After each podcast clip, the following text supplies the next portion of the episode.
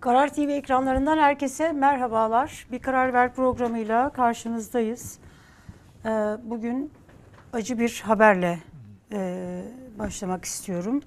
Gazetemizin e, yazarlarından, kıymetli yazarlarından e, Profesör Doktor İskender Öksüz'ün yine Türk Edebiyatı'nın güçlü kalemlerinden Emine Işınsu, eşi Emine Işınsu vefat etti. Türkiye yine çok kıymetli bir kalemini kaybetti.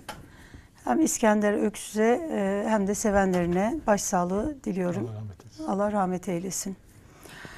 Ee, Yıldıray, bu Devlet Bahçeli ne yapmaya çalışmaktadır? Yani onun Böyle hani konuşmak istediğine emin misin? ama güzel Anayasada öyle bir madde var mı? Bu konuşulabiliyor mu? 100, 100 maddelik anayasada. Valla şimdi bak Böyle şöyle. bir fikir hürriyeti veriyorsa 100 madde içerisinde varsa konuşalım ama yoksa hiç Yok. girmeyelim bence buraya. Şimdi şöyle bak e, mesela iktidara yakın diğer gazeteler e, Devlet Bahçeli'nin, Sayın Devlet Bahçeli'nin e, anayasa teklifini e, çok küçük görmüşler. Evet. Ufacık görmüşler. Mesela bak Hürriyet Gazetesi en alttan görmüş.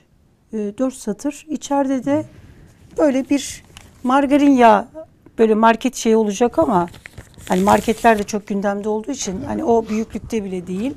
Öyle görmüş. Çok önemsememiş. Ama Sabah gazetesi tam sayfa. Nasıl tam e, sayfa? Vallahi öyle Aa, bak. İç sayfada. İç sayf- sayfada değil. Ama iç sayfada ama yani bir şey söylüyorlar. Yani Devlet Bahçeli de bir şey söylüyor. Sabah da bir şey söylüyor. Yani herkes birbirine böyle kripto mesajlar böyle hani e, veriyor. E, okudun mu Devlet Bahçeli'nin? Bak görüyorsun kocaman. Evet ama birinci sayfada çok büyük değil. Yani Ama anayasa bir şey söyleyeceğim. manşetli- Nasıl birinci sayfada? Yani işte ikinci haber yani. İkinci haber. o kadar önemli O olsa. kadar olur. Ama birinci haberde daha önemli bir şey var. Ee, İstanbul Büyükşehir, Büyükşehir Belediyesi'nde bir tane e, bir çalışan bir kadının kocası hakim, kadın e, hakim kocası, kocasını aldatmış. Hakim karısının peşine düşmüş. Aldatılan hakimin yasak aşk takibi böyle Müge Anlı tarzı bir Çünkü orada bir İBB haber. müdürü söz konusu. Evet. O yüzden haber aslında amaç onunla ilgili bir haber yapmak. Ama İşte böyle evet. magazine doğru gelmiş durumda yani. tabii tabii tabii. Yani elleri Böyle- ayak ellerin arkadan bağladı olmayınca böyle magazin skandalları. Hakimin fotoğrafı da yalnız koruma memuru gibi böyle hani e, şey e, Herkesin çok fotoğrafı enteresan. var.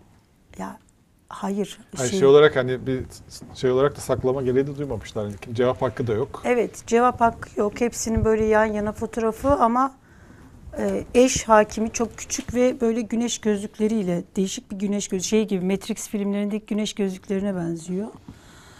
Ee, şey var Erdoğan iftar konu olmuş bir çiftçinin sofrasına. O çok ilginç. Onu dün e, gördün mü? Fotoğrafları ben göndermiştim. E, Bakalım mı? Evet. Şimdi orada dün bir e, Twitter'da bir gazeteci arkadaşımız Günel Cantek, Cantak bunu inceledi bu fotoğrafları. Hı -hı. Şimdi bu şey e, Cumhurbaşkanı'nın o Ayaş'taki köydeki evdeki iftarı. Hı hı. Zaten hani bir Aa, şey var. bir şey söyleyeceğim sana. Ee, burada masaya oturmuş. Evet, Acaba işte. bizim biz bizi Zaten duyup olay da- oradan başlıyor. O da oradan dikkatini çekmiş. E, sonradan e, sandalyelere bakmış önce. Sandalyelere o sandalyeler Bak, meclisten diğer mi fotoğrafı gelmiş? diğer fotoğrafı da görelim. Bir şey söyleyeceğim. Meclisten İşte gelmiş göster olan- birazdan göreceğiz. Biraz sabret. Bak şimdi gelecek fotoğraf. Hemen şeyi ortaya çıkarma. Hayır ama baktığımı diğer söylemeyin fotoğrafı mi? e, görelim. Yıldıray zaten insanlar konuşamıyor. Ben de burada baktığımı söylemeyin mi? Burada da mı yani? Hayır hayır sürprizi kaçırıyorsun Ha, çünkü. tamam. Ha, bak şimdi bu sandalyeye bak. Sonra Evet. bir daha diğer fotoğrafı tekrar görelim. Bu eski böyle top toplu iftarlardan biri. Tekrar diğer fotoğrafı görelim. Şimdi bu sandalyeye bak. Aynı sandalye. Evet. Yani bu bir aslında catering firması sandalyeleri olduğunu ortaya çıkardı.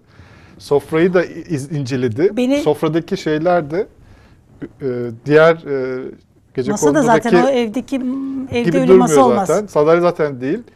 Zaten beyaz örtüsü falan hani o görülüyor.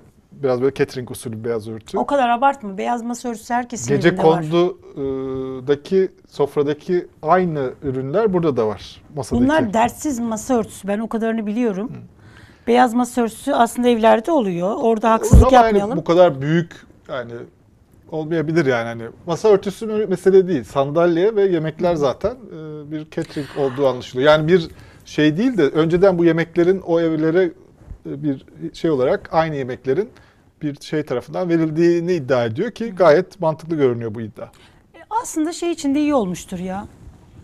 Aile içinde iyi olmuştur. Evet onlara zahmet olmuyor ama Zahmet hani o zaman olmamıştır. Ee, şu dersiz sıra- misafir. Dersiz misafir. Bereketiyle gelmiş. Yemeğiyle, masasıyla, Sandalyesiyle. sandalyesiyle gelmiş. Ondan sonra e, şu sıra mesela çiftçiler ekonomik krizde en büyük sıkıntıyı kim çekiyor? Çiftçiler çekiyor. Evet. En böyle hani borçları var ödeyemiyorlar. Çek işte şeyler e, kazanamıyorlar. Ekmek sıkıntısı çekiyorlar. Yiyecek sıkıntısı çekiyorlar. Dolayısıyla güzel bir yemek yemişlerdir. Onlar açısından böyle iyi de olmuştur. Evet ama bizim iftar daveti dediğimiz şey bu değil tam olarak. iftar davetinde hani Niye? ne bulursa onu yersin hani ne var ise imkan onu Niye yersin. şimdi Cumhurbaşkanı senin evine gelse masasıyla sandalyesiyle ondan sonra tencere tencere yemekleriyle hatta Biz yaparız ya. hatta Cumhurbaşkanımız gelsin tabaklarıyla yeter ki. bak hatta tabaklarıyla hatta böyle dezenfekte edilmiş çatal bıçak kaşığıyla hatta o gelmeden önce böyle evi dezenfekte falan etseler oksijen böyle şeyleri koysalar sen şimdi istemez Maskeler de misin? var bir de. Maskeler Burada de bir, mas- var. bir fotoğraf daha var onu yok. Orada da herkes aynı maskeyi takıyor. Evet. Bayağı şey maskesi bu. Kaliteli şey maske var ya bir tane. Aslında şöyle olmuş burada. Buradaki şey şu. Çiftçinin evinde aile Cumhurbaşkanına misafir olmuş. Evet gibi biraz. Biraz tekerleme gibi oldu ama bir de burada şey de ilginç. Cumhurbaşkanı ağırlamış. masanın başına e, iki sandalyelik yer ayrılmış mesafeyle oturmuş doğru bir şekilde.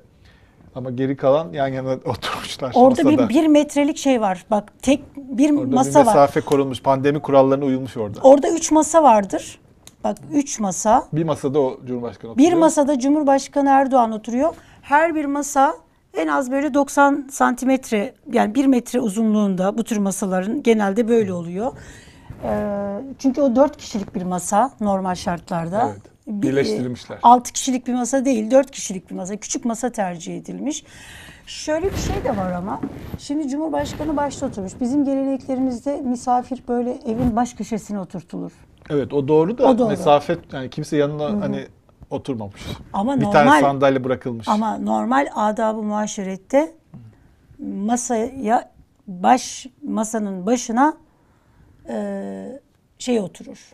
tamam ev doğru zaten. oturur. Ha ev sahibi. Ama oturur. şunu diyebilirsin yani burada burada Yok onu oturtabilir de Hani burada mesafe e, meselesi burada ilginç. Yani herkes biraz böyle lebalep oturmuş gibi. herkes lebalep ama Cumhurbaşkanı maske, mesafe, hijyen kuralına dikkat. Etmiş evet. Evet etmiş. Yani belki şey olarak yapılıyor Kurallara olabilir. uyuyor. Yani Cumhurbaşkanı soruyor ne yediğin, içtiği kontrol edilmesi gerekir. Hani böyle bir şey vardır yani çeşnici başlıklar vardır her zaman bütün dönemlerde. Belki o yüzden yemekleri e, kendileri getiriyor olabilirler ama o da tam olmuyor iftar Mesela şeyine. sen getirse şunu söyler misin? Misafir umduğunu değil, şey umduğunu değil, bulduğunu yer. Teşekkür ediyoruz ama bu benim evime misafir oluyorsanız ben bir çorba ikram ederim size diyebilir misin sen? Cesaret ister. Yani Ayaş'ta bir köylü olsaydım hiç diyemezdim. hani gazeteci olunca belki öyle bir cesaret görürsün Gazeteci kendinde ama- olunca. Yani işte. Yani gazeteci olunca dedin daha böyle şey söyledin. evet, Ee, Allah kabul etsin diyelim. Allah kabul etsin ama o geçen sefer yerde sofralarla oturmuştu ya onu da konuşmuştuk hatırlarsan. Orada biz bayağı böyle konuşmuştuk bu mevzuyu. Ben şey söylemiştim. Üç tane tepsi.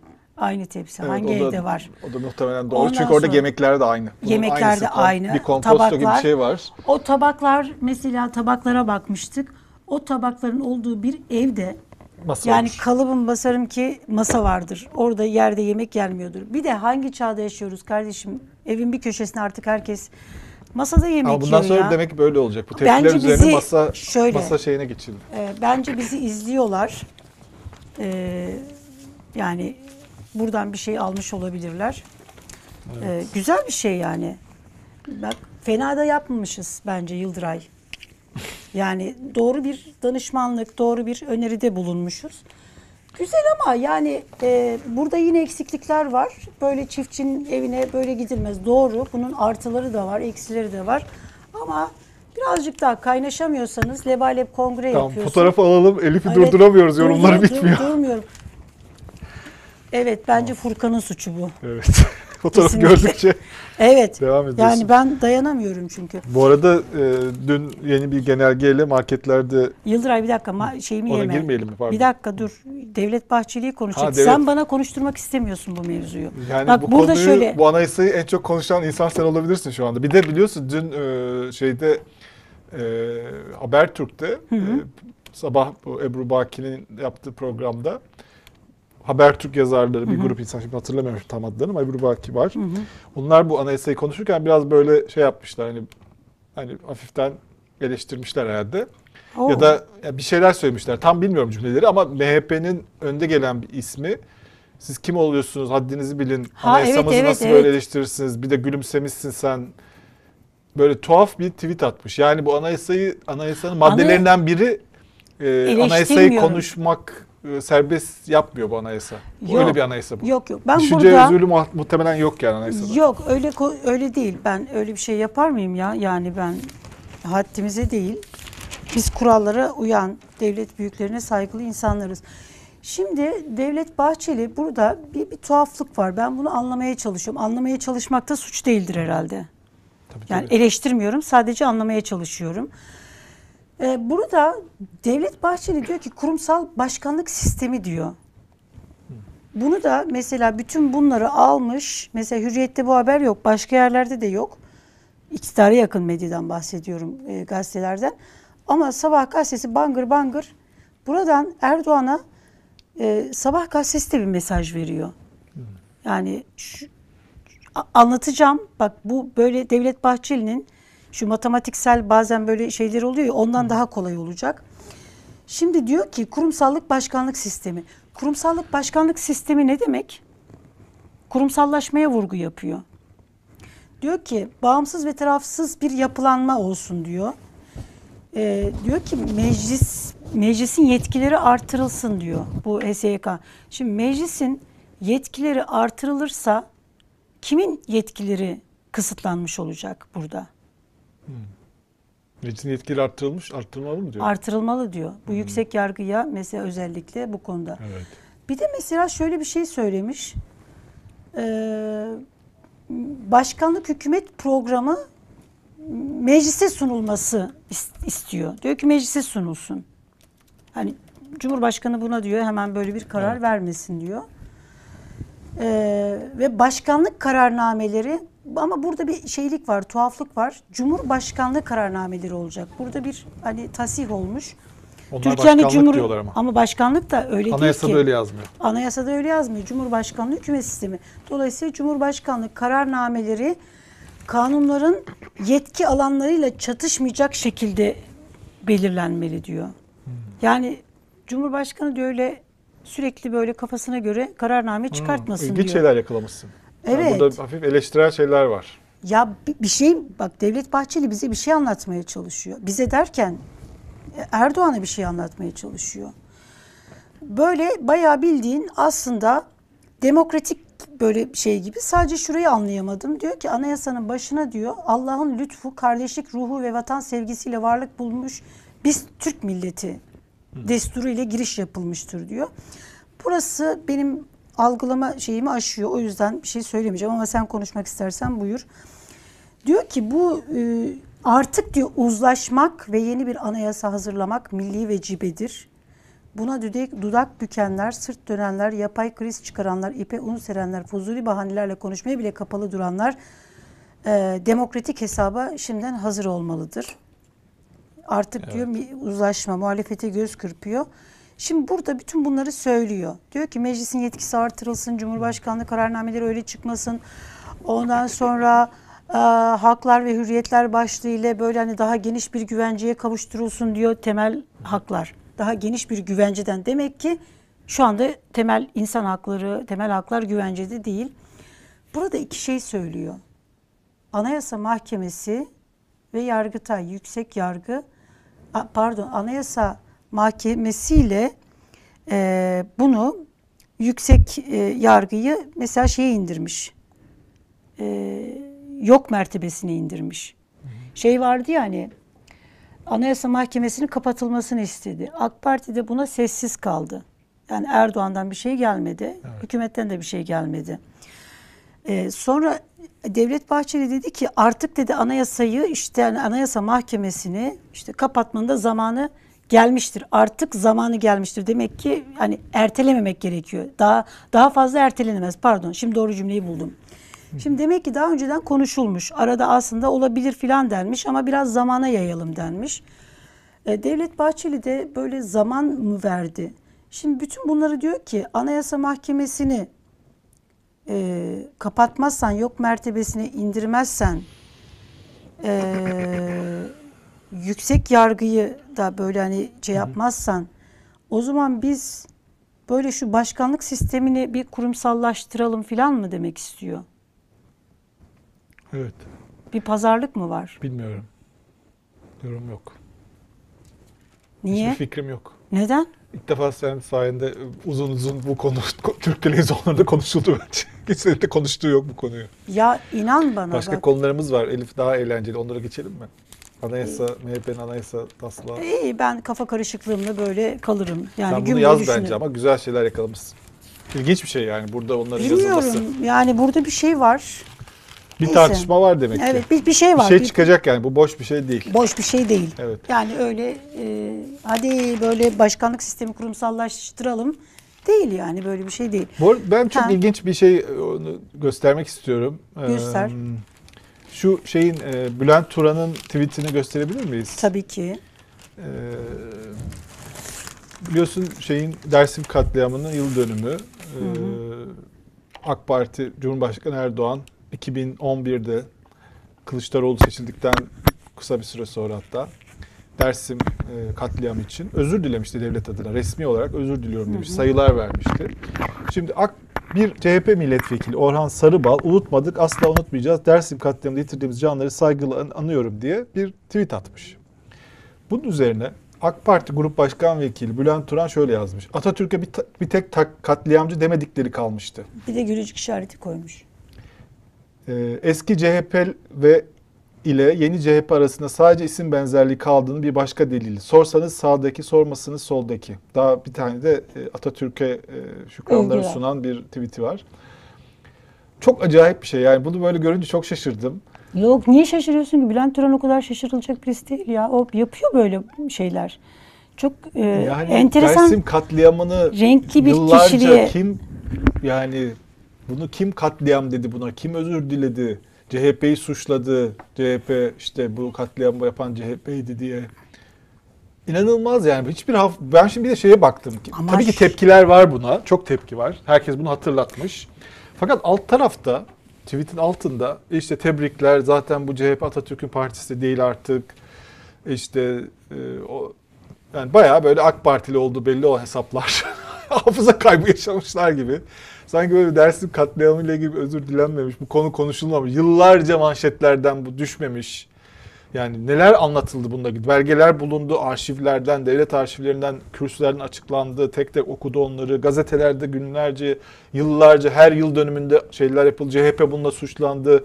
Kılıçdaroğlu işte sen Dersim katliamını nasıl unuttun? İşte sen bunu kınıyamıyorsun diye o protesto edildi biliyorsun o zamanlar. Şimdi Atatürk'e bir tek katliamcı demedikleri kalmıştı. Bir de Atatürk'e de demiyor. Dersim katliamı diyor da. Hani bir fail de belirtmiyor. Ee, eski CHP ile yeni CHP arasında sadece isim benzerliği kaldığını başka delili. Yani eski CHP'yi özlüyor gerçekten. Daha önce de buna benzer bir şey yapmıştı. Evet. Eski CHP'yi özlüyor. statükoya Yani statikocu olanı, e, başörtüsü yasak anayasa mahkemesine koşanı. acayip bir şey ya. makbul yani artık yani. siyasetin Türkiye'de geldiği düzey çok tuhaf yani. Ben hala şaşırmaya devam ediyorum. Beni mesela şaşırttı. Senden siyasetçi olmaz. Yani ben öyle bir iddiam yok zaten Şimdi ama sen şaşırıyorum. iktidarda olsan, e, AK Parti'de iktidarda olsan, sen nasıl bir CHP istersin? E, şeyin de mesela e, temel meselen de kendi iktidarını korumak olsa. Ülke menfaati değil. Ama öyle beni öyle bir sıkıştırdı ki hiç yapacak bir şeyim kalmadı. Tamam da O zaten ben orada olmazdım. ülke Olsun. şimdi de- devlet adamlığı bak politikacı ve devlet adamlığı arasında fark vardır. Ya bu Tamam mı? politikacılık da değil ya. Bu Böyle politikacılık da değil. Ama Ha o yani ayrı bir tartışma konusu. sene, üç sene önceki tartış bir anda bu pozisyona gelinir mi? Ama şöyle şimdi bu kadar şey olma hani e, şimdi sen bana anlatıyorsun ben anlıyorum da bunu mesela Bülent Turan şuraya gelse onu anlatsan kardeşim sen kime diyorsun filan anlamaz. Evet. Anlamaz yani. Ne yaptığını bilmez. Ne yaptığını bilse Çok acayip. zaten başka şeyler olurdu. Yani Yani bunu böyle Ya ben kimse bunu hatırlamadığını falan mı Yani zannediyorlar yok, yok, acaba? hayır. Herkes unuttu mu diye mi düşünüyorlar? u- unutu değil. Çünkü şey var. Şimdi e, mesela sen düşünüyorsun kendin bir şey ve kalıyor aklında. Ama bunlar kendileri bir şey düşünerek, kendilerine ait fikirleri yok, kendilerine ait düşünceleri yok, kendileri bir şey bulmuyor. Bu böyle işte mesela Cumhurbaşkanı Erdoğan, bu sadece siyasetçisi, ak- şey de var, işte akademisyen rektörleri var, ondan sonra gazetecileri var. Şimdi diğer türlü bunun şeyden ne farkı var? Bu böyle. Bir akıl yani böyle bir tuhaf örnek. İsimlendirmeyelim. Ee, bir gün mesela bir şey savunuluyor, ertesi gün başka bir şey. Ertesi gün tam zıttı, ondan sonra ba- başka bir şey. Bu nasıl olabiliyor? Şimdi iradesi olan, düşünen, aklı olan, muhasebe yapabilen birisi bunu yapabilir mi? Yapamaz. Daha mantıklı bir çıkış yolu bulursun. Evet. Bundan öyle bir derdi yok. Bu arada şey yayın e, şeyin logosu çıktı. E, Memleket Partisi'nin. Onu görelim mi bir? Onu, Dün e, bir de şey- onu estetik olarak onu değerlendirelim. evet. A, Muharrem A İnce'nin Haber'de- partisi. Ya bu mail işareti değil mi? Bütün Türkiye'ye mail mi işareti, atacak? evet. Et işareti. Evet. Bütün Türkiye'ye mail mi atacak acaba? Bir de ortasında galiba şey var, nazar boncuğu var. Evet. Bu, bu şaka gibi bir şey ya. Bu değil herhalde. Ee, Nazar boncuğu var. Bir de haritada da bu nereye denk geliyor nazar boncuğu? Yozgat falan gibi bir yer mi? Sivas mı? Böyle yani Türkiye'nin tam ortası. tam ortası. Evet. Memleket. Ha oradan geliyor. Memleket. Et işareti memleket. Böyle bir espri yapmışlar ama espriler birbirine karışmış artık. Hayırlı olsun diyelim. Hayırlı ne diyelim olsun. yani. Ee, şey. A Haber'de ben şu sıra izliyorum böyle bana plasebo etkisi yapmaya başladı. Dün mesela şey vardı e, Muharrem İnce'nin partisini demokrasimiz için ne kadar iyi olduğu, parti kurulduğu anlatıyorlardı. Ba- canlı bağlantılar falan Türkiye'de çok önemli bir şey oldu. E, Güzel bir şey yani bak yeni bir e, rakip muhalefete yer partinin- veriyor yani Muhalefete sonuçta. yer Bir de veriyor. muhalefete yer vermiyor deniyor onlara. Tamam şimdi şey Bülent Turan'a şey var ya sorsan muhalefete. Al sana muhalefete yer veriyoruz. Doğu Perinçek her gün kanalımızda. Daha Hani ne bunu yapalım söylese kardeşim? do- yalan mı yani? Doğru işte. Evet. Hani şeyi okudun mu? Sabah gazetesinde Dilek Güngör'ü okudun mu? Okumadım. Ee, şeyi eleştiriyor. Bu market var ya biraz önce senin söyledin. Marketlere gelen yasakları eleştiriyor. Ee, tam, tam kapanmada diyor semt pazarları açılmayınca e, marketler ve e-ticaret siteleri piyasada iyice tekelleşti diyor. Çiftçinin halde 50 kuruşluk salatalığı diyor 5 TL'den aşağı alamaz hale geldik diyor. 2 TL'lik domatesi 7 liradan aşağı yiyemez olduk. Pazarda en lüksü 5 TL'de bilemedin 6 TL'ye alınacak mal teri için 25 TL'den 1 kuruş eksik saysanız kasada tattırama, tarttıramaz hale geldik diyor. Şimdi bu Semt çok ilginç pazarla- bir şey yaka- söylüyorsun sen. Burada dün de yine ekonomi sayfasında şeyin Okan Müderrisoğlu'nun yazısı da böyle e, eleştirel tarafları olan şeyleri vardı. Eleştiriler hedefinde de işte pandemi yasakları, biraz Süleyman Soylu. Süleyman Soylu var. Yani bu gazetenin böyle okumak lazım. Böyle deşifre edilmesi gereken bir şey. Evet. Yani bu, bu haberi niye yaptı? Bunlar şu anda niye eleştiriyorlar diye sürekli bakmak lazım. Çünkü o içeride bizim takip edemediğimiz, kulislerden takip edemediğimiz bir takım gerilimler burada yansıyor. Evet. Hem bu yazı hem şimdi bu yazı. Bu tabii ki arkadaşların derdi e, aman pandemi yasaklarıyla esnaf rahatsız oldu falan değil yani. Bunlar en kötü ekonominin döneminde bile harika, başarılı, her şey harika gidiyor. İşte 128 milyar dolar insanlar sormaya başladıklarının ilk zamanlarda bu arkadaşlar Evet. e, insanları tehdit ediyorlardı. Kerim Rota'yı falan ismiyle böyle rota rotasını kaybetmişler falan diye tehdit ediyorlardı. Bunların derdi başka şeyler her zaman. Başka Öyle şey. bakmak lazım. Burada da Bunları- başka bir tartışma var yani demek evet. ki. Şimdi şeyde tabii ki e, yani devlet böyle yönetilmez. Devlet böyle mi yönetilir?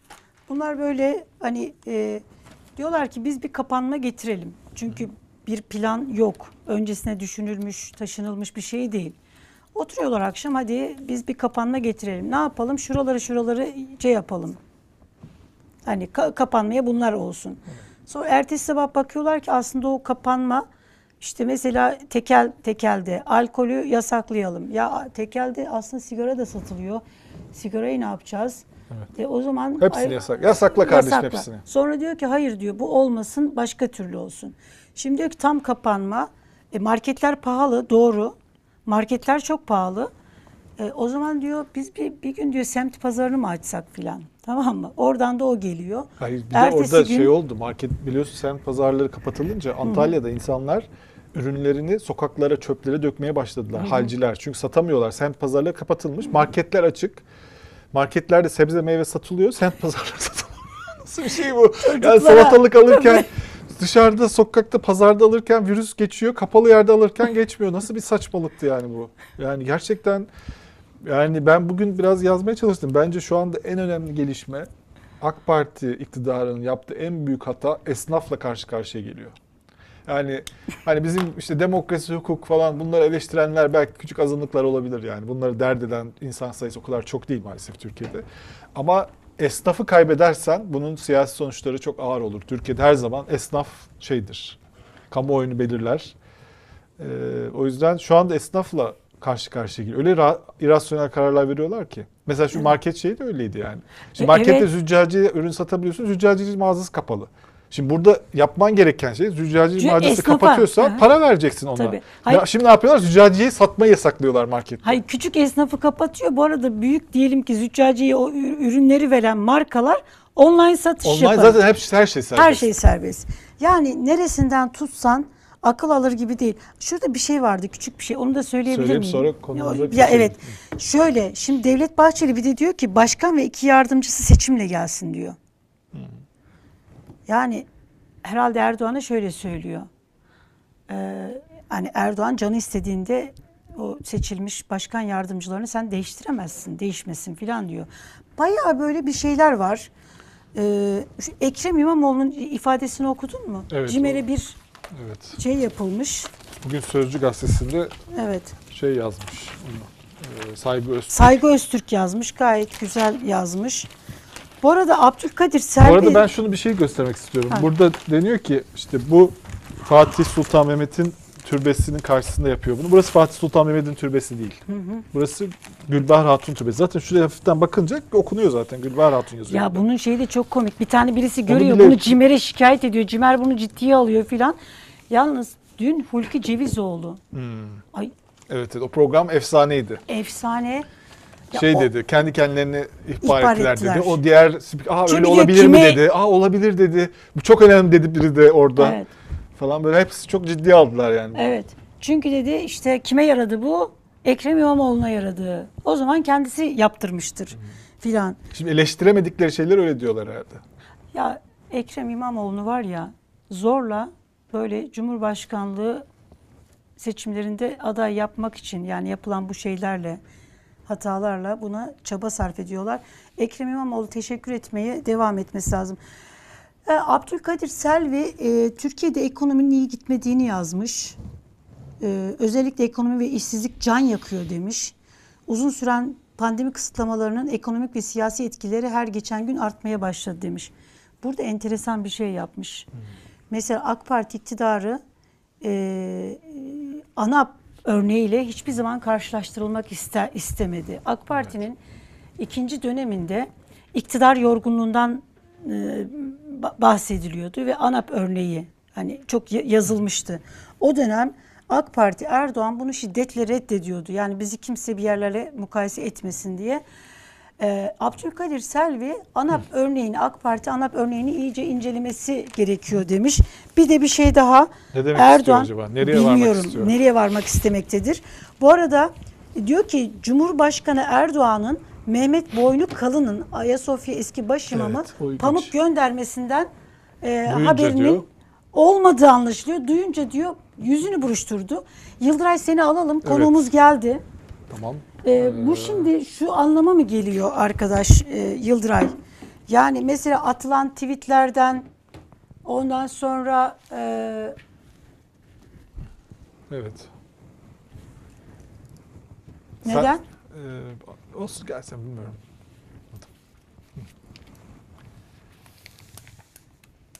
Allah Allah. E, enteresan bir istek geldi konuğumuzdan. Tamam. Ee, şey var. Ee, Evet. Dur sen böyle şey yapalım. Evet. Merhaba. Evet. Hoş geldiniz. Hoş bulduk. Şöyle. şöyle yapalım. Evet. Hoş geldiniz. Hoş bulduk. Biraz Hoş geldiniz. oldu. Kusura Evet. bakmayın ben sanki hep böyle fotoğraflarda çıktığım için söyledim de hiç gerek yoktu o tarafa da geçebilirdim yani. Ha öyle mi? Tamam. Ha, Sorun değil. Evet. Evet. Eyvallah. Tamamdır. Hoş geldiniz. Nasılsınız? Hoş İyi. geldiniz. Sağ olun teşekkürler. Siz nasılsınız? Ee, Mustafa Ergen, e, Deva Partisi Eğitim Politikaları Başkanı. Ee, Mustafa Bey sizin böyle e, yani tabii siyasette siz akademide ve kendi alanınızda çok tanınan bir isimdiniz. Fakat siyasette e, henüz yeni bir isimsiniz. Sizin e, böyle özellikle biyografinizi okuyunca önce insanın biyografiniz üzerine konuşası geliyor. Çünkü çok e, aynı dönemlerde aslında ODTÜ'deymişiz Evet. birlikte. Hatta aynı yurtta da aynı zamanlarda kalmışız ama böyle ben sizi simayen birazcık hatırlıyorum. Ee, Hızıroğlu'la beraber evet. e, ben ikinci kattaydım herhalde siz birinci Evet, kattaydınız. ben e, zemindeydim o yüzden çok fazla e, şey olmadı. Şimdi e, üniversiteyi yani ODTÜ için çok yüksek olan bir ortalamayla bitirmişsiniz 4.0'la. Hangi bölüm sizin endüstri? Elektrik elektrik. Elektrik elektronikti. Ee, ama hikayenizde en ilginç kısımlardan biri Amerika'da bir e, şirket kurmuşsunuz ve daha sonra onu bayağı bir e, büyük bir oraya satmışsınız ve sonra Türkiye'ye dönmüşsünüz. Şimdi bu kısım çok ilginç çünkü e, şu anda e, bunu niye yaptığınızı anlamak çok zor. E, o zaman hangi yıllarda niye dönmüştünüz? Nasıl böyle bir 2009'un karar sonu. verdiniz? 2009. 2009'un sonu. Şöyle yani e, o zamanlar herkes dönmeye çalışıyordu zaten. Hani Türkiye'den e, okumuş yurt dışına giden herkes zaten hani ülkeye geri dönmek istiyor. Hani e, ama bunlarda e, ülkede olabilecek imkanlar var, olamayacak imkanlar var. Özellikle hani biz doktora yapmaya gittik. Doktora sonrasında Türkiye'ye geldiğimiz zaman imkanlar genellikle kısıtlı oluyor. Yani doktora konunuza göre kısıtlı oluyor. Benim konu telekom olduğu için hani daha rahat yani yükselen bir endüstrinin bir parçası olabildim açıkçası. Ee, ama çok farklı konularda olanlar yalnızca akademide yer bulabiliyor. Ee, o yönden hani biz hep ülkeye dönmek üzere geri gittik. Yani, e, ve Türkiye'de yükselen değerdi açıkçası. Yani insanlar Türkiye konuşuyordu o zamanlar. Büyüme yüzde on civarındaydı. Ee, yani geldiğimiz noktada da hani çok büyük e, e, maddi olarak da bir şey kaybederek gelmedik yani. Daha iyi bir noktada geldik. Ee, ama daha sonra tabii 2013'ten sonra yani ülke e, Evet. bayağı bir zemin kaybetti yani. Pişman oldunuz mu geldiğiniz? Yani şöyle tam pişman e, olup ya Birazcık gelimi- olmuş olabilirsiniz galiba. E, çünkü geldiğim yer çok hızlı büyümeye başladı. Yani Silikon Vadisi yani beşer, onar, yüzer büyümeye başladı. Biz daha böyle e, negatif döngüye girer bir pozisyonda olduk. E, yani Kriz geri- zamanı ama sizinki değil mi? 2019 2008 krizi döneminde miydi? 2008 krizi tabii Silikon Vadisi'ne uğramadı. Uğramadı. O yani Doğu yakasının kriziydi. Ee, Vadisi de, e, şeyine devam etti, büyümesine devam etti. Daha da büyümeye devam etti. Yani eksponansiyel büyümeye devam etti. Ee, 2013'ten sonra yani orada biliyorsunuz artık yani e, teknolojinin, e, finansmanın e, daha böyle akışkan olması, daha büyük işler yapılmaya başlandı. Yani şu anda bizim mesela o zamanların şirket satılma rakamlarını şimdi şirketler e, risk yatırımcılarından alır hale geldiler. Yani daha büyük rakamlar konuşulmaya başlandı.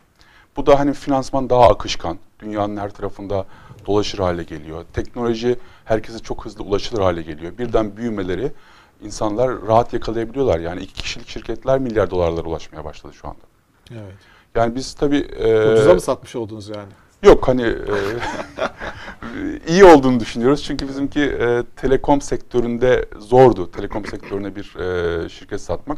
Tabii şirket benim de değil yani sonuçta risk yatırımcılarından aldığımız r- rakamlarla hani biz e, bir şirket oluşturuyoruz. Aslında şirketin büyük hissedarları, risk yatırımcıları, e, yani bizler ve çalışanlar oluyor. Yani risk yatırımlarından para aldıkça şirketteki hisse değeriniz yavaş yavaş düşüyor, düşüyor, düşüyor.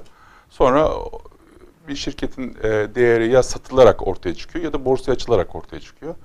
Ha, bizim zamanımızda hani o zaman e, başarılı bir e, çıkıştı bizim için. Ama şu anda biri size sorsa Silikon Vadisi şirketim var satıp Türkiye'ye gelmek istiyorum dese ne dersiniz herhalde? ne yap ne, ne diyorsun falan yani herhalde. inşallah e, herkesin gelmesini sağlayacak bir ülke e, yaratmak istiyoruz diye düşünüyorum. Bizim Yani. iktidarımıza gelebilirsiniz. Yani bir de tabii Covid'den sonra artık böyle lokasyonlarda e, artık e, önemini kaybetti. Yani artık uzaktan çalışma e, her şirketin bir şeyi oldu. Yani yeter ki güzel bir ülkenin parçası olalım. İnsanlar hani e, Türk olmasa bile Amerikalı gelsin, burada buradan kendi şirketine çalışsın yani. Evet.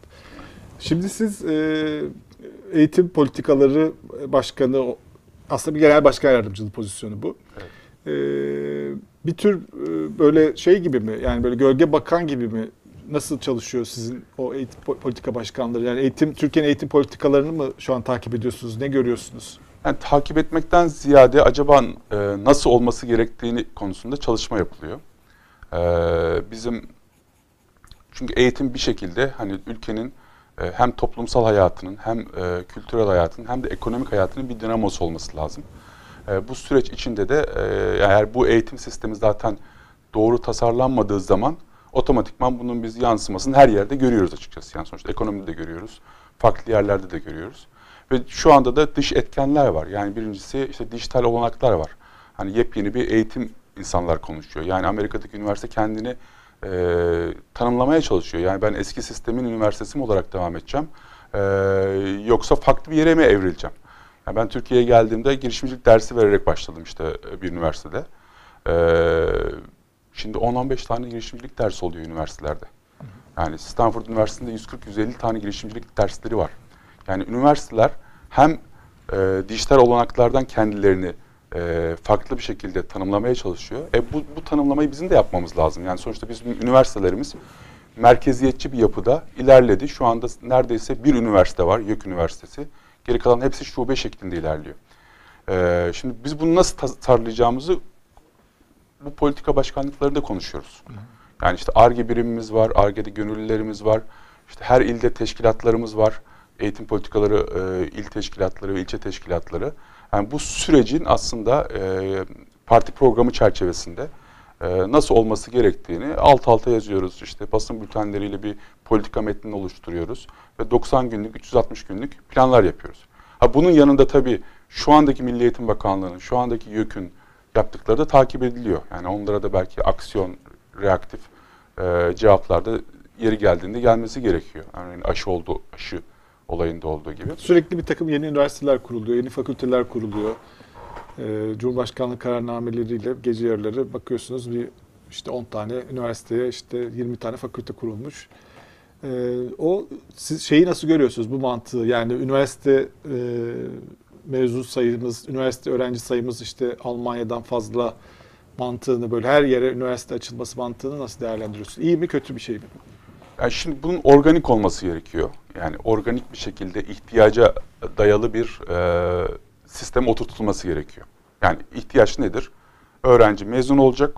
İki tane beklen, beklentisi var yani sonuçta hayatta kalmak. Ya da bu, bu toplumun parçası olmak. Şimdi bunu sağlayamıyorsa üniversite bazı şeyler yanlış yapıyor demektir. Yani bu bunu biz inorganik bir şekilde tepeden e, organize ederek yapamayız. Bunu bir üniversiteyi biraz daha özel olarak düşünmemiz gerekiyor. Yani üniversite kendi kararlarını ve alabilen, e, kendi idari yapısını, bilimsel yapısını yönetebilen bir sistem. Yani aslında insanlar topluluğu. Öyle değil mi? Yani akademisyenler topluluğu üniversite. Geri kalan her şey arazi ve bina yani sonuçta. E, içindeki akademisyen üniversiteyi üniversite yapıyor. Oraya giren öğrenci üniversite öğrenci. Yani marka değerini bunlar yaratıyor açıkçası. Evet. Şey peki bu e, üniversiteler tamam ama üniversitelerin içerisinde mesela gece kararnameleriyle fakülteler yani bölümler açılıyor. E, ben biraz baktım ama yani bu fakültelerin açılması e, bu kadar hani Cumhurbaşkanlığı kararnamesiyle işte diş hekimliği fakültesi kurdum diyor Yozgat'ta ya da Tokat'ta bir yerlerde. Bunlar mesela siz bunu nasıl değerlendiriyorsunuz? Yani buna mesela YÖK, üniversitenin kendisi karar vermez mi ihtiyaç Normalde öyle olması lazım. Evet. Yani üniversiteler aslında bir özel üniversite modelinde mali özerk olduğunuz zaman iki tane geliri var. Birincisi öğrencilerden alacağı gelir. Yani öğrencilerden alacağı. Şu anda e, e, üniversite sistemi bedava ama devlet bunu karşıladığı için bedava. Bunu devletten aldığını düşünelim. İkincisi de araştırma fonlarından alacağı gelir. Yani bir üniversite kendisinin daha çok öğrenci mi alması gerekiyor veya daha çok araştırma mı yapması gerektiğine kendisi karar vermesi Evet. lazım. Ayakta kalabilmesi için. İkincisi de üniversitenin verdiği diplomanın bir değeri olması lazım. Yani diploma gerçekten akredite mi? Yani üniversitenin akredite olması ayrı bir şey. Programların akredite olması ayrı bir şey. Ama diplomanın akredite olması bambaşka bir şey. Şu anda en büyük sorun devletin istihdam yaparken diplomaları akredite etmiyor. Yani sonuçta diploma basan üniversitelere ihtiyaç var. Onun için bunlarla karşılaşıyoruz. Yani sonuçta her yerde üniversitenin olması, her ilde ve onun diploma basması ve onun bir şekilde devlet istihdamına e, girmesinden dolayı kaynaklanıyor. Ama istihdamda olmuyor artık. O da olmuyor. Olmuyor. Bir de üniversite mezunu işsizle e, işsiz arasında e, epey bir fark var. Çünkü üniversite mezunu işsiz bayağı öfkeli bir işsiz haline dönüşebiliyor. Çünkü hem büyük hayallerle insanlar e, üniversiteye gidiyorlar. Çünkü bir sınıf atlama aracıydı Türkiye'de üniversiteler. Evet. O ortadan kalkmaya başlayınca e, bayağı e, aslında desperate halde böyle öfkeli insanlar ortaya çıkıyor. Doğru. Yani sonuçta diğer tarafa da yani sonuçta kendini e, yönlendiremiyor. Yani sonuçta bir beklenti var. Çünkü Evet. üniversitenin getirdiği bir yani Başka diploma- işleri de kabul edemiyor. Evet. O, o bizim yarattığımız bir algı aslında. Onun onun da esiri oluyoruz açıkçası. Hani Temel sorun aslında herhalde şu. Şimdi siyasetçiler miting meydanlarında her türlü vaatte bulunabilirler propaganda. Uzaya e, hani denizi olmayan bir yere köprü yapacağım sözü verebilir. E, uzaya merdiven çıkıyoruz diyebilir. Yani en böyle uç Mars'a noktalarda tabii yani bunları vaat edebilir. Siyasetçidir. Ama iş böyle iktidara geldiğinde şapka değişir, başka bir şey olur. Ee, Burada e, Cumhurbaşkanlığı kararnamelerinin biraz böyle yani diyelim ki gitti bir, yerde buraya dedi diş hekimliği fakültesi açacağım. Onu söyler ama daha sonra üniversiteyle YÖK arasında bir şey olur ve bunun bir makuliyeti varsa iktidara otururlar. Evet var ihtiyaç bunu açalım denir. Böyle de yürüyordu önceden. Şimdi Cumhurbaşkanlığı kararnameleri birazcık böyle o siyaset işte, işte miting meydanlarındaki o hamasi söylemlere döndü. Açtım oldu. 10 fakülte e, balıkçılar da şunu yapsın filan biraz buna. Yani devlet kurumlarının Ya karar mekanizmaları çok Evet. şahsileşmiş gibi görünüyor. Evet. Yani bu böyle daha çok- merkeziyetçi. Boğaziçi Üniversitesi örneği Evet, var evet, zaten. evet. Çok Yani somut orada bir örnek. mesela yani tabii yani yeni bölümlerin açılması üniversiteyi bir anlamda bir bambaşka bir lige sokmuş durumda. Ee, yani bizim şu anda konuşmamız gereken acaba bu üniversiteler, güzide üniversiteler nasıl ilk yüze girer? Nasıl e, dünya sıralamasında bizim ülkenin marka değerini e, yükseltir? E, onun için neler yapılması gerekir? Hani onlar konuşulması gerekir. Yani öğrenci öğretim üyesi oranları konuşulması gerekir. Aldıkları fonların işte eşdeğer, dünya eşlenikleriyle eşdeğer olması gerekir. E, ve biz en azından 4 üniversitemizi, 5 üniversitemizi ilk yüze sokabilecek potansiyelde bir eylem planımız olması gerekir. Bu otomatikman benim Türkiye olarak Türkiye vatandaşının da itibarını yükselten, geri kalan bütün üniversitelerin itibarını yükselten bir olay. Öyle değil mi? Yani sonuçta oradaki bir Türk üniversitesinin olması ama şu anda olmayışı zaten üniversite sisteminin geneline bir soru işareti yaratıyor ve şöyle düşünün yani bizim üniversitelerin büyük potansiyeli var. Yani biz yurt dışından öğrenci alıyoruz. evet Yani e, Arnavutluk'tan öğrenci alıyoruz. Afrika'dan öğrenci alıyoruz. Onların kafasında e, yani Türkiye ile Amerikan üniversiteleri eşdeğer. Ama bu bunun gerçek anlamda öyle olması lazım. Yani biz oradan daha çok insanı oraya bu Türkiye'ye çekebilecek bir e, marka değerini yaratmamız gerekiyor. Yani marka değerini düşürmememiz gerekiyor. Cumhurbaşkanı Erdoğan geçenler geçen yani birkaç hafta önce bir konuşma yaptı. Dedi ki Türkiye o kadar iyileşti ki daha önce eğitim için, iş bulmak için yurt dışına gidenler vardı. Artık dedi hamdolsun e, gidilmiyor. Bilek istedi herkes yurt dışından Türkiye'ye geliyor. İşte Mustafa Bey bir örnek. Bize örnek vermiş olabilir. İşte Deva Partisi başkan yardımcısı gibi. Ve 10 yıl önce geldim ama Ama AK Parti iktidardaydı. Hiç kaçış yok.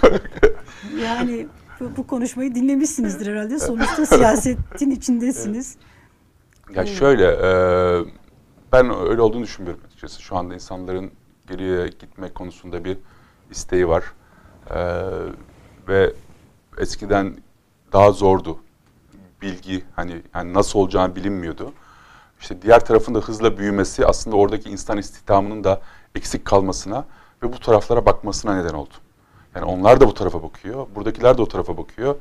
Ee, insan kaybediyoruz açıkçası. Yani. Yani bunun tam tersine döndürmek için buranın daha yaşanılır e, bir yer olması gerekiyor. Ha bu o zaman buradaki insanlar da burada kalır, yabancılar da buraya gelir. Ee, en büyük hedefimizin o olması lazım. Yani Peki yabancı öğrenci, şimdi sizin alanınız eğitim politikaları. Ee, şöyle bir veri var mı elinizde? Ee, yabancı öğrenci 5 yıl önce işte Türkiye'ye şu kadar yabancı öğrenci alıyorduk. Biz şu anda bu kadar yani bunda azalma var ya da hayır aynı şekilde devam ediyor. İlgi var Türkiye'ye. O ilgide eksilme var mı? İlgi aynı şekilde devam ediyor mu? Yani şunu elimde bir veri yok. Hani bu otomatikman bunun e, bir birkaç nedeni var. Dış politikadaki Türkiye'nin algısı vardır. Evet. Hani bu tip şeyler. Güvenlik. Özellikle bizim aldığımız yerler belli. Hani sonuçta e, hinterland dediğimiz yerlerden Orta da- Doğu'da, evet. daha daha çok alıyoruz. İşte Orta, Orta Asya, Asya'da. hinterland dediğimiz bizim Balkan coğrafyasından. E, buralardaki hani Türkiye algısına değişen şeyler olabilir ama alan üniversiteler var. Ee, bu demektir ki yani sonuçta burası bir seçenek insanlar için. Yani o algıyı da yani e, ülkenin marka değerine bir parçası oluyor o zaman o iş. Ee, arttırılırsa tabii ki daha çok çekim yeri olabiliriz diye düşünüyorum ben. Siz İTÜ'de de öğretim e, hala devam ediyor musunuz? Devam ediyoruz, Ediyorsunuz. Oradaki öğrencilerin sonuçta İTÜ öğrencileri de potansiyel yurt dışına gitme adayı öğrenciler. Öyle bir imkanları olabilecek öğrenciler. Ee, orada böyle bir öğrenciler arasında, yeni nesil arasında böyle bir e, niyet ve Türkiye ile ilgili hayal kırıklığı görüyor musunuz? Yani çünkü hep bütün anketlerde çıkıyor bunlar. İşte gençlerin işte %70 yurt dışına gitmek istiyor gibi. Yani tabii bizim öğrencilerle ilişkimiz daha teknik anlamda hani yani verdiğimiz dersler e, babında. E, bu genel olarak hani öğrencilerin e, yani yurt dışına gitmesi bir, yurt dışındaki şirketlerde çalışması da bir e, seçenek. Yani orada yani oradaki bir şirketin parçası olma gerçekten bir cazibeli bir noktaya doğru gidiyor. Hani bunun burada birkaç neden var. E, yani bizim istihdam olarak da hani dolar Türk lirası Evet. dengesinin bozulması, e, yabancı şirketler için de Türkiye'nin bir e, Türkiye'den istihdam sağlamaları için önemli bir e, yer yaratıyor. Ama tabii burada burada da deneyim yani o deneyime biz yak- yakın mıyız değil miyiz? Yani bu zamanlar gerçekten biz 10 yıldır ya da 20 yıldır bu noktaya doğru hazırlansaydık ya tamam dolar TL dengesi bu hale gelecek. Biz çok avantajlı hale geleceğiz. O zaman biz öyle bir insan kitlesi yetiştirelim ki işte Amazon'un e, bir parçası olabilsin, Google'un parçası olabilsin, Facebook'un parçası olabilsin. Hatta oraya gitmek zorunda kalmasın, onlar buraya gelsin denilebilirdi. Ama dolar TL dengesi değiştikten sonra bu hamleyi yapmak biraz geç oluyor. O da yalnızca işte bunu e, bu yetenekteki insanların e, yapabileceği şeyler haline geliyor. Yani yine büyük kitle Türkiye'de kalmış veya büyük kitle Türkiye'deki şirketlerde çalışıyor olmak zorunda. Siz üniversitede hocasınız ama aynı zamanda siyasetin içindesiniz. Aslında anketlerden de gençlerin e, Türkiye'ye dair bir gelecek hayali kurmadıkları sonuçları çıkıyor. Hani kamuoyu araştırmaları gitmek istiyorlar. Bunları biliyoruz ama siz böyle mesela öğrenciler yanınıza gelip e, ya hocam aynı zamanda siya- siyasettesiniz, bir partinin içindesiniz deyip şikayetlerini dile getiriyorlar mı? Neler yani neler istiyorlar? Yani sizden e, hocalığın dışında siyasete ilişkin, Türkiye ilişkin beklentilerini de paylaşıyorlar mı? Yani bu Talepleri var mı ya da? bu talepler zaten hani otomatikman e, birçok yerden alınan talepler. Yani Twitter'da bile okuduğunuz zaman bunları rastlayabiliyorsunuz ya da işte partinin web sayfasında yorum olarak bile verilebiliyor ya da karşılaşabiliyorsunuz. Yani o, o kadar kongreler yapıldı, insanlarla gençlik toplantıları yapıldı. Yani genel olarak tabii umut vadeden bir ülkenin parçası olmak herkes ister. Yani sonuçta niye karamsar bir durumun parçası olacaksınız? Yani büyüyen, işte vizyonu olan, e, rekabetçi e, bir bir şeyi önlerine koyabilmemiz lazım. Yani onu koyamadığımız sürece hani herkesin beklentisi daha farklı oluyor. Yani s- startuplarda da böyledir. Yani vizyonunuzu çok büyük yaparsınız. Belki o vizyonun yüzde onuna ulaşırsınız ama o noktaya doğru gidersiniz. Hani karıncaya sormuşlar ya hani hacca gidiyorum demiş. En azından o, o, o yolda ölürüm demiş yani sonuçta. Vizyonun çok böyle umut vaat edici olması gerektiğini düşünüyorum ben. Yani şunu söyleyebiliyor musunuz? Gitmek isteyen bir öğrenci ben geldim size Aman dedim ki gitme. ben gi- gitme. Bize güvenin. Biraz sabır. Bu ülke güzel bir ülke haline gelecek. Evet ben zaten onun, onun için Onu politikadayım. böyle böyle hani ağız doluysa Evet evet. evet, yani Biz, gitmeyin. Bize güvenin. Biz e, aynen onu söylüyoruz zaten örnek olarak da kendimi verebilirim bu konuda. Gitmeyin e, ama gidebilecek yetenekleri burada edinin. Buradan isterseniz kendi işinizi kurun ya da buradaki şirketlerin parçası olun ya da buradan diğer şirketlerin parçası olun. Çünkü güzel bir ülke yaratabilirsek e, yurt dışındaki insanlar da burada yaşamak isteyecektir. Yani Siz dediniz ya onun örneği de benim diye. Şimdi e, sizin hem çalıştığınız sektör itibariyle hem işte geçmişiniz, yurt dışı deneyiminiz de var. Muhtemelen işte üniversiteden de ondan sonraki şeylerden de bir sürü insan tanıyorsunuz. Bunların pek çoğu yurt dışında olabilir. Çoğu siyasetle ilgili değildir muhtemelen. Çalıştığınız alan itibariyle yani o sektör henüz o sizin bilişim sektörü böyle çok siyasete giren henüz daha doktorlar, avukatlar siyasette ağırlıkta. Ee, böyle bir şey oluyor mu? Yani bu kadar hani elinizde fırsatlar varken başka şeyler yapmak çok mümkünken daha iyi, konforlu bir hayat sürmek mümkünken hani Türkiye'de siyaset yapmak neden ne böyle bir şeye girdi diye insanlara nasıl ikna ediyorsunuz? Ne diyorsunuz? Yani şöyle e, hani siyaset de güzel zevkli bir olay. Hani sonuçta e, Bu çok kend- ikna edici olmadı onlar için bence. Böyle söylediğiniz şeyin şu anki konjonktürle böyle hani şey var. örtüşen bir yanı yok. Yani siyaset keyifli bir iş. Renkler ve renkler tartışılmaz önemli. ya şöyle sizin neye refer ettiğinizi anlıyorum ben. E, ama yani ülke bizim ülkemiz açıkçası. Yani sonuçta biz e, ben 10 sene Amerika'da kaldım. Hani 20 sene 30 sene de hayatımı da orada devam ettirebilirdim. E, ama buranın bir aidiyet duygusunun e, işte bir sosyal çevrenin e, getirdiği hazzı hiçbir yerde bulacaklarını düşünmüyorum. E, bir şeyin parçası olmanın. E, şimdi bunlar hani bulunmaz hani e, şey e, kredi kartı reklamı gibi. E, bunun da e, belli uğraşlarla hani e, belli seviyede tutulması gerektiğini düşünüyorum açıkçası. E, hani bu e, hani büyük fedakarlık gözüyle de bakmıyorum yaptığımız işe. Hani bu yapılması gereken e, ve parçası olarak hani zevk de al- aldığımı da düşünüyorum. Çünkü bana katkısı da çok fazla. Yani ben e, belki akademik ve işte bilişim, girişimcilik çevresinin bir parçası olacaktım ama hani doğuya, güneydoğuya gittim. Yani sonuçta Diyarbakır, Şırnak, Hakkari, e, işte Van, e, yani o kadar hani ülkenin e, renkleriyle işte Konya benim zaten memleketim, işte Akşehir, Niğde, onların turu başlayacak, Karaman.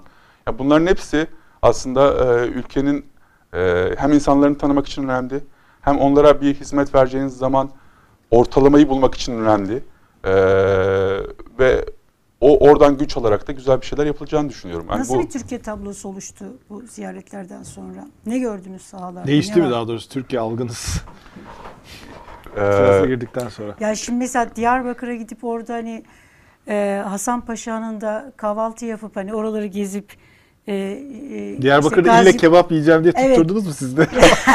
biz sabah ciğer yerim dedik ama bulamadınız mı? bulamadık. Çok erken bitiyormuş Şimdi herhalde. hani o Evet. şey değil. Hani Ga- Gazi Paşa işte köşkünü göreyim, e, kahvaltı yapayım, ta, işte ta- Taşhan'a gideyim falan böyle bir şey değil. Tabii. Başka bir şey Ya, için gittiniz. Evet. Yani biz Ee, tabii Ne gördünüz? Yani, Yani giriyoruz. Yani sonuçta e, Sayın Genel Başkan girdiği, Genel Başkanımız girdiği gibi esnaf şeylerine biz de giriyoruz, çıkıyoruz, konuşuyoruz, temas ediyoruz. Yani insanlar umut vadeden bir ülke bekliyor. bu kadar mı dediğiniz şeyler oldu mu? Yani ekonomik krizi bi- biliyoruz. Ee, var diyoruz. Fakat oralara gittiğiniz zaman ya biz ekonomik krizi konuşuyoruz, yoksulluğu konuşuyoruz, insanların sorunlarını konuşuyoruz. Ama hani şöyle dediğiniz zaman bu kadarını bilmiyordum deyip şaşırdığınız e, oldu mu? Yani bizi şaşırtan şeyler e, aslında e, yani oraya gitmeden de aldığımız şeyler. Yani sonuçta sosyal medya bize veriyor.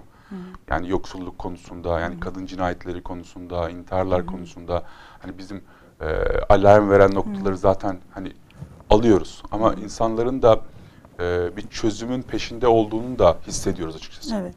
Yani bu çözüm nasıl olur? e, bu çözümü nasıl sağlarız? O, Evet. o partilerin sorunu Evet. yani her partinin sorunu. E, yani biz o, o, o, o yönde çalışmaya çalışıyoruz. Şimdi e, siz bir dönem e, Türk Telekom'da e, da danışmanlık yaptınız. E, Evet. Şimdi biz internetten yayın yapıyoruz. E, şimdi bizi izleyen herkes e, en büyük derdi herkesin. E, Türkiye'de e, internette bir sorun var. Böyle bir yavaş internet. Bu EBA meselesinde iyice ortaya çıktı. E, Çünkü ilk defa bu kadar da çok insan e, ihtiyaç olarak da internete girmeye başladı. Ee, Burada temel olarak siz e, sorun nerede görüyorsunuz? Bir altyapı yatırımlarında bir, bir sorun var. Yani niye böyle bir e, Türkiye'nin interneti geri kaldı? Altyapı yatırımlarında sorun var. Yani e, yani fiber yatırımları geriden geliyor. Fiber yatırımlarının e, hızlı bir şekilde olabilmesi için de iki şey var. Tavuk yumurta şeyi var. Yani sonuçta bir alım değeri olması lazım. O alım değeri de aşağı doğru düşüyor dolar dengesinden dolayı. E, bu sefer de hani teşhisat, bunun e, fiberin döşenmesi gibi şeyleri de etkiliyor. Yani ikincisi de fiberin döşenmesi ya da için e, regülasyonlar çok fazla. E, belediyelerin etkisi çok fazla. Hem bir fiber döşenmesinde belediyelerin bir payı var. Hani maliyeti alabiliyorlar kazdığınız için. E, buna daha topluca cevap verilmesi gerekiyor. Yani Ne kadar zamandır bu yenilenmiyor böyle bir teknoloji? Ne kadar bir geriden geliyor yani? Yani geriden gelmeden ziyade her yere ne kadar eksik var. Hani sonuçta e, buradaki e, yatırımın e, fizibilite maliyetlerinde sorun çıkıyor. Ve, ve büyük şirketlerin hızlı bir şekilde bunların e, e, servisini sağlamada yani döşeme servisini sağlamada içsel hani organizasyonel e, bir şekilde hızlı davranamıyorlar. Yani bu ikisi aslında temel değer. Bir de belediyelerin de bu işten aslında asli görevi olması lazım. Nasıl doğalgaz getiriyorsa, nasıl su getiriyorsa internet getirmesi de belediyelerin asli görevi olması lazım. Buradan para kazanmamaları gerekiyor. Ee, eğer belli bir fiber yatırımı yapılırsa bu zaten 5G'nin de önünü açacak bir şey. Ee, sonra mobil tarafta da aynı hızlara ulaşılabileceğimiz e, noktalara geleceğiz. E, yani Dele şöyle bakarsa, yani ben işte frekans satıyorum. Frekanstan belli bir para kazanacağım. Şimdi operatör de şöyle bakıyor. E, ben frekansa para veriyorum. O parayı çıkartmam lazım şeklinde bakıyor. Ama e, Dele şunu da diyebilir. Yani ben frekansı veriyorum, sonradan öde bana da diyebilir. Mesela Covid döneminde böyle bir şey yapılabilirdi. E, ya da fiberi işte kazın, e, kazabildiğiniz kadar. Serbest bakıyorum diyebilirdi. Veri merkezleri mesela. Yani EBA'nın çökmesinde de veri merkezi. E, çünkü her veri merkezi sıkıntısı var. Nerede nasıl bir şey veri merkezi? Veri merkezi yani sizin datanız nereye gidiyor? Yani mesela diyelim ki Zoom görüşmesi yapıyorsunuz ya da YouTube şeyi YouTube serverlarına gidiyor. YouTube veri merkezine gidiyor. Yurt dışına gidiyor. Geri geri geliyor. E, yurt içinde de kalabilirdi bunlar. Hani veri merkezi yatırım yapılsaydı. Hı. Git yani yok yani böyle bir şey. öyle mi? Çok düşük yani çok, düşük. düşük. Yani ve veri merkezi için çok e, imkanlar vardı. Çünkü yani Microsoft da veri merkezi kurmaya çalışıyor. Yani coğrafyaya dağıtmak istiyor dünya coğrafyasında. Her ülke onları onlara diyor ki gel buraya yap. Sana şu şu şu avantajları verebiliriz. Türkiye neden bunu kaçırdı? İşte bunların hepsi kaçırılan fırsatlar. Allah Allah. Bunların hepsi kaçır. E, şu anda uydu interneti başlıyor örneğin. E, birden işte uydu firmaları işte 4-5 4 tane firma var. E, 60 bin tane uydu atacaklar. Yani biz dağda, taşta, her yerde internetin bir parçası olacağız. Şimdi onlarla işbirliği yapılabilirdi. Yok mu Türkiye'de bu şu E, anda? e, olduğunu sanmıyorum. O yani dünyada 60 bin uydu fırlatılacak, uydu kullanılacak. Türkiye'de olmayacak mı bu? Yani bu birilerinin ancak işte diğer pazarlarda belli bir olgunluğa ulaştıktan sonra belki bize gelecek yani. Ama işte bunlar hep fırsat penceresi. Erken aşamada e, daha bir şey yokken, toz bulutuyken e, anlaşmalar yapılarak yapılacak işler açıkçası. Bunlar peki e, bunun şeyle ilgisi var mı? Yani mesela Türk Telekom işte satıldı sonra oradaki firma gitti geldi. Yani orada sanki böyle bir ortada kalmış gibi bir kurum var. İşte Turkcell'e mesela bakıyoruz yönetim kuruluna. Yani neresi AK Parti şeyi gibi yani böyle AK Parti'de emekli ayrılmış ya da görevden alınmış insanlar orada yönetim kuruluna geliniyor, geliyor. Yani böyle devlet kurumu mu, özel kurum mu belli değil. Bu, bunun etkisi var mı? Bu kurumların hani böyle daha aktif e, olmaması. Zaman tabii yani şöyle telekom sektörü zamanında lokomotif bir sektördü. Evet. Yani lokomotif derken En parlak, Yani, parlak evet, sektörüydü. parlak yani bütün ülkeyi alıp götürebilecek bir sektördü. Yani şu zamanında işte, işte Finlandiya'yı götürdü. Hani işte İsveç'i götürdü. Bir, bir, bir, birer firma işte götürdü. Şimdi Kore'yi Kore yapan telekom sektörüdür. Şimdi o fırsat penceresinde Türkiye tam organize olduğunu düşünmüyorum. İnsan kaynağı açısından. Çünkü zaten bunlar yüksek EBITDA'lı, yüksek karlı yerler. Ee, üzerine hangi yönetim koyarsanız koyun yine aynı kar devam ediyor. Kötü bir yönetim gelse de bunun e, sonucu 5 sene 10 sene sonra çıkmıyor zaten. Ee, ama e, alınmayan kararlar, e, yapılmayan aktiviteler sizin fırsat pencerenizi gittikçe daraltıyor. Yani bugün bu ülkeden e, Orta Doğu'da, işte Orta Asya'da e, her yere servis sağlayan bir operatör de çıkartabilirdik. Ya da içindeki ARGE gerçekten tam anlamıyla çalışsaydı işte e, tedarikçi ekosistemi de çıkartabilirdik. Bunların hepsi tercihtir. Buradaki en büyük e, bence şey de hani e, tercihte rekabetçi bir yapılanma var ülkede. AK Parti'nin sor- hükümetinin sorunu olmak zorunda değil. Yani geçmişten gelen. Yani biz 2-3 firma olsun, bir pazarı 2-3 firmaya bölelim. E, ve bu firmalar işte rekabet etsin, fiyatları düşürsün, e, halk daha ucuz alsın gibi bir e, tercih var. Ama buna karşın daha işte Amerika'da ulusal şampiyon sistemi var. Yani bir benim bir firmam olsun. Bu gerçekten hani e, buradan para kazansın. O kazandığı paradan kendine bir ARGE bütçesi çıkartabilsin. O ARGE bütçesiyle işte inovasyona yatırsın, teknolojiye yatırsın. E, ve oradan hani farklı yerlerde katma değerler kazanalım. Yani Amerika'nın telekom sektörü AT&T işte Bell Lab laboratuvarlarına çıkmıştır mesela. Ama bizdeki rekabetçi sistemden dolayı hiçbir şirketin ARGE yapacak marjı yoktur. Yani rekabetçilik iyi bir şey değil mi? E, bir- yani lokomotif sektörlerde çok iyi değil yani. Ya çünkü Çok diğer tarafta bu. kaybettiğiniz şey çok daha büyük oluyor. Yani biz o ARGE ile belki ye- yepyeni bazı istasyon şirketlerimiz çok erken aşamada Yani çıkıyor. daha tekel olması lazım. Evet. Ve Xerox örneğin rekabet e, Palo Alto e, laboratuvarından işte gördüğümüz işte internetin mouse'undan tutun işte Windows sistemi kadar hepsi oralardan çıkmadır. Yani bu bir tercih. Hani bu tercih nasıl olması gerektiği konusunda tartışılması gerekiyor. Ee, eğer bir sektörün lokomotif özelliği varsa bunun e, getireceği olanaklar daha fazla. Ee, interneti e, mesela Almanya'da, Amerika'da e, kullanım ücretleriyle Türkiye'deki kullanım ücretleri arasında çok büyük farklar var mı? E tabi biz dolar TL dengesinden dolayı daha düşüyoruz şu anda. Ee, bizim Hindistan'ın da altına düştük. Hani bir operatörün aldığı gelir. Ha, yok. Ben internet kullanıyorum. Ha, Evimde internet var. Bize, Ödediğim bize, vatandaşa bize maliyeti. yansıması. Bize yansıması. Ee, yani çok fazla olduğunu düşünmüyorum onun. Ee, çünkü verilen hızlar da o kadar Çok değil. çok, Çok değil. Ee, Hak ettiğini ödüyoruz zaten. Yani onu o da zaten otomatikman e, işte maliyet açısından e, yeni yeni bir yatırımın önünü açamıyor. E, işte bunu, burada devletin bir şekilde e, bir parçası olması gerektiğini düşünüyoruz. Şimdi burada e, sosyal medya şirketleriyle e, hükümet arasında bir şey oldu. E, işte yasa çıktı. İşte burada bir temsilci atanması e, istendi onlardan. Önce bir direniyorlar gibi göründü. E, atam, atamak istemediler bunu. Fakat sonra atadılar.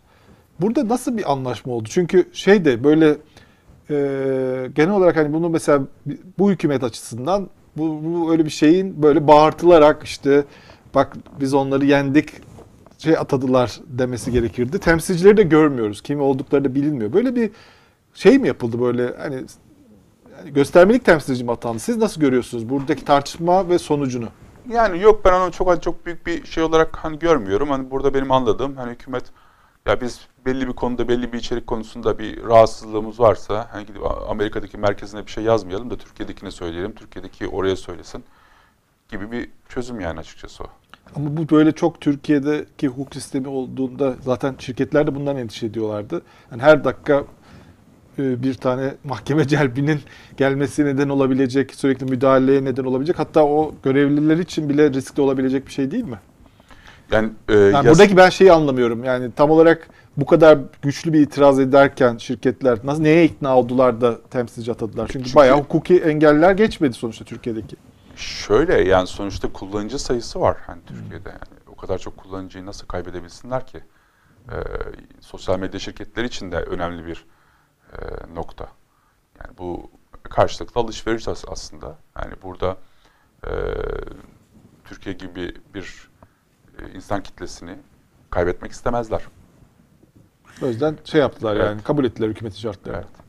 Peki günün birinde böyle bir sabah kalktık Twitter tamamıyla kapanmış giremiyoruz. Facebook'a giremiyoruz. YouTube yok. YouTube yok. Böyle bir şey mümkün mü? Devletin elinde bu imkan var Devletin herhalde. elinde yani De devlet bunların var yani ben e, Çin'de rastlamıştım mesela öyle bir imkanı. E, giremiyorsunuz yani sonuçta. E, her türlü e, son son model hız e, işte 5G bağlantısı ama işte WhatsApp'tan mesajlarınızı alamıyorsunuz. E, herkes hani VPN falan o tip şeylerle uğraşıyor. Bunların hepsi yapılabilir şeyler. Yani sonuçta VPN'i kesme ihtimalleri var mı? Ben şimdi sorunun sonuna kadar gideceğim. Yani e, olabilir. Hani bu çok bayağı e, yatırımla gerekecek bir şeydir ama neden olmasın yani sonuçta. Dün bir haber vardı. Türkiye dij- dijitalleşti diye. Yani e, yaşasın dijital bir Türkiye olduk. Bundan e, siz ne an- anlıyorsunuz? Yani Türkiye'nin dijitalleşmesi e, nedir? E-Devlet'i mi Ee, kastediyorlar acaba? Bilemiyorum yani altı şey, şey yoktu sadece bu vardı. Ya ben genel olarak dijitalleşmeden ne anladığımızı şey yapabilirim. Yani birincisi e, dijital teknolojilerin kullanılarak verim artışının hazırlanması. İkincisi verilerin işlenerek yapay zekayla e, buradan anlamlandırılması e, ve yani toplumun yararına veya işte ekonominin yararına çıkarımlar yapılması. E, bunların olması gerekiyor. Yani bu bu noktaya gel- geldiğimizi düşünmüyorum. Yani insan hiçbir veri işlenmiyor. Veriler parça parça bakanlıklarda e, bir araya getirilmiyor. Zaten ortak veri havuzu yok. Ortak e, veri merkezi yok. E, yani e-devlet dediğiniz şey yalnızca bir web sayfası şu anda. Tabii alt, arka tarafındaki e, işlemler, mevzuatların önemi vardır. Ama herkesin anladığı dijitalleşme e, biraz daha böyle verimin arttırılması yönünde olması gerekiyor.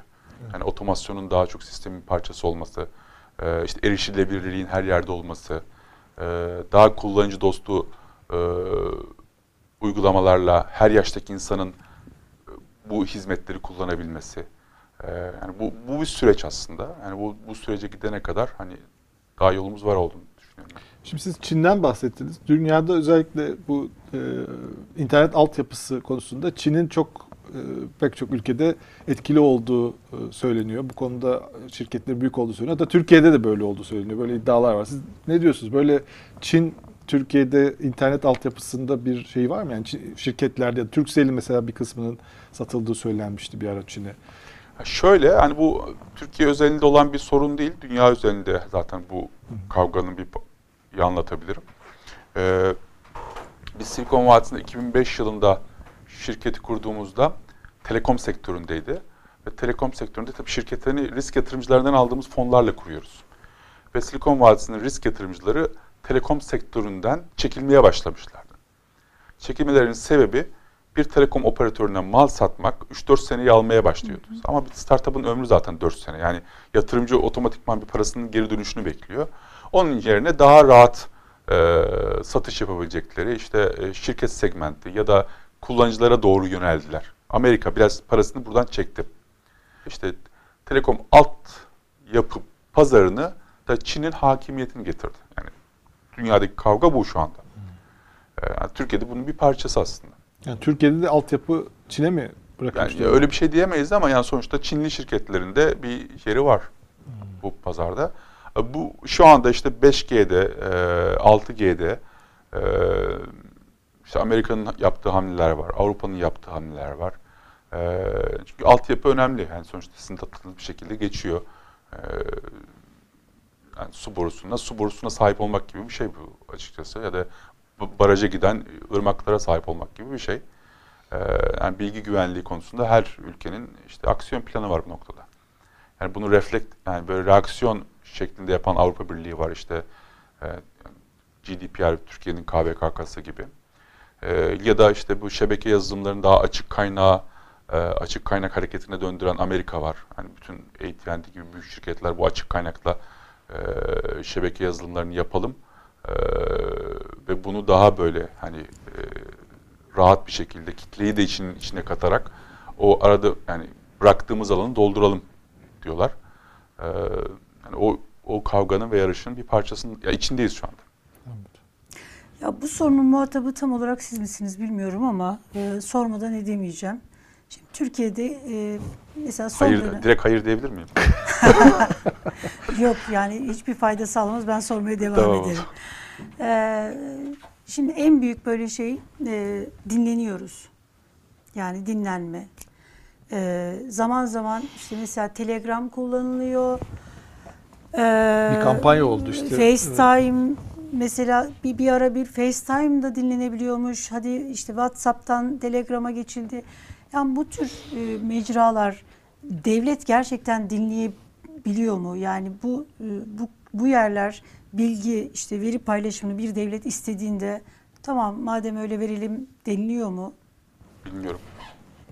Bilmiyorum. Yani ha, devlet hakim bir güç. Yani sonuçta o şirketle olan anlaşması nasıl olur e, bilemiyorum. Siz dinlenme endişesi taşıyor musunuz? Yok taşımıyorum. Dinleniyormuş varsayıyorsunuz kendinizi. Yani olabilir. Bilmiyorum yani çok böyle hiç e, düşünmedim onu. Yani o WhatsApp tartışmalarında ne yaptınız? Hiç o yani WhatsApp, Şeyde Telegram devam. devam, ettiniz. WhatsApp'a. Zaten herkes devam etti herhalde. Herkes bir kampanya yapıldı ama pek geçen olmadı gibi görünüyor. Yani zor e, çünkü hani düşünsenize WhatsApp 19 milyar dolara satıldı. Yani kişi başına e, 40-50 milyon dolar verildi yani sonuçta. Yani çok büyük rakamlar ve hiçbir cirosu yoktu. Ama niye verildi? Yani bu şirketin monopol olma ihtimali vardı. Yani öyle bir noktaya gelecek ki herkes bunu kullanacak. Geri dönüşü olmayacak. Yani o bariyeri e, aştık, aşmış olabilirler. Evet. Ama e, işte bu uzay internetiyle e, daha farklı devinimler de olacak. Çünkü herkes internete bağlı değil dünyada. Yani 7,5 milyar insan varsa 4 milyarı bağlı.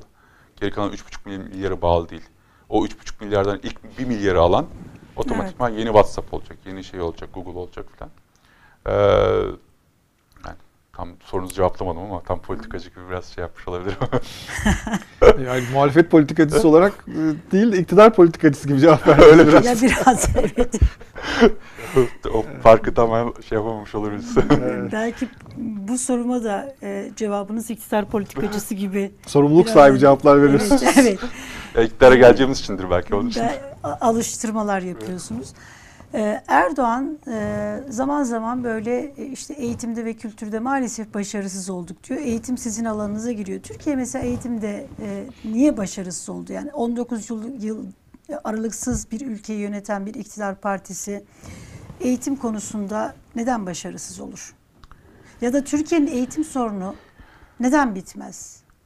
Yani şu, Hani şu okullar olmasaydı aslında milli eğitimi yönetmek e, kolaydı sözünden de belki başlayarak.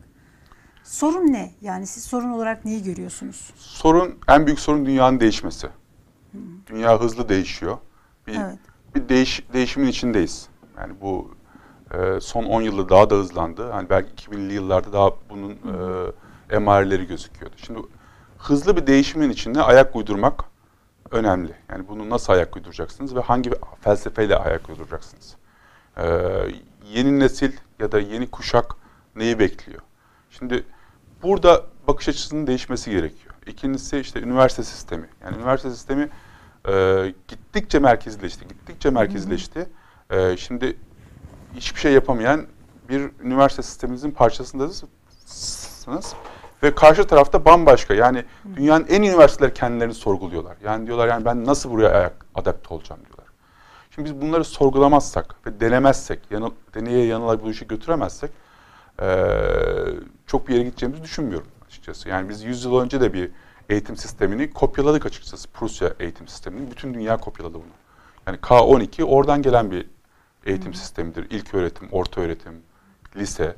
Yani sanayi toplumunun bir parçası olarak bizi e, yani formatladı, formatlandı sistem. E şimdi bambaşka bir yere doğru götürüyor. Yani onun ne olduğu konusunda her soru işareti. Herkes Yani bu deniyor. ilkokul, ortaokul, lise e, şeyi demo demo oldu. Yani eskiden baktığınız zaman e, sanayi toplumunda bir yani mükemmelliyetçi bir sistem gerekiyordu. Ee, çünkü hani insan vida sıkacak ya da mühendislik yapacak, bir şey üretecek. Ee, disiplin olması lazımdı, tek tip olması lazımdı.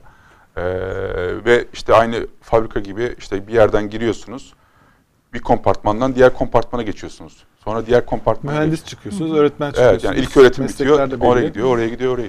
E şimdi daha farklı bir dünya, daha çeşitli, daha böyle farklı düşünen insanları içine alması lazım. Daha inovatif düşünmesi lazım. Daha böyle dünyada bir etki yaratabilirim vizyon olması lazım.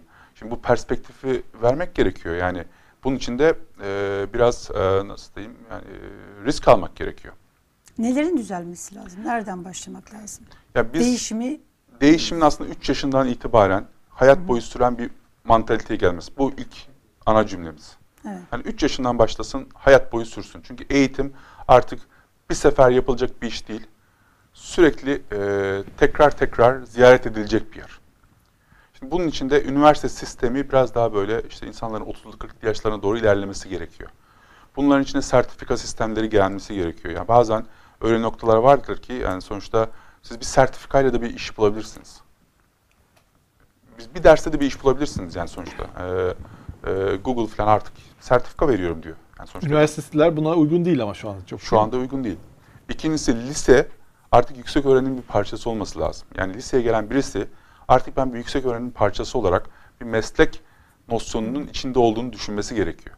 Çünkü bu yeni nesil dünyada bilgi aslında aşağı doğru iniyor. Yani 3 yaşına doğru in- iniyor. Çünkü erken aşamada insanlar görüyor bu bilgiyi. Şimdi bu bilgiyi zaten alacaklar. Yani öyle veya böyle alacaklar. Şimdi bu bilgiyi eskisi gibi okullarda öğretilmeyecek. Ama okullarda ölçülecek.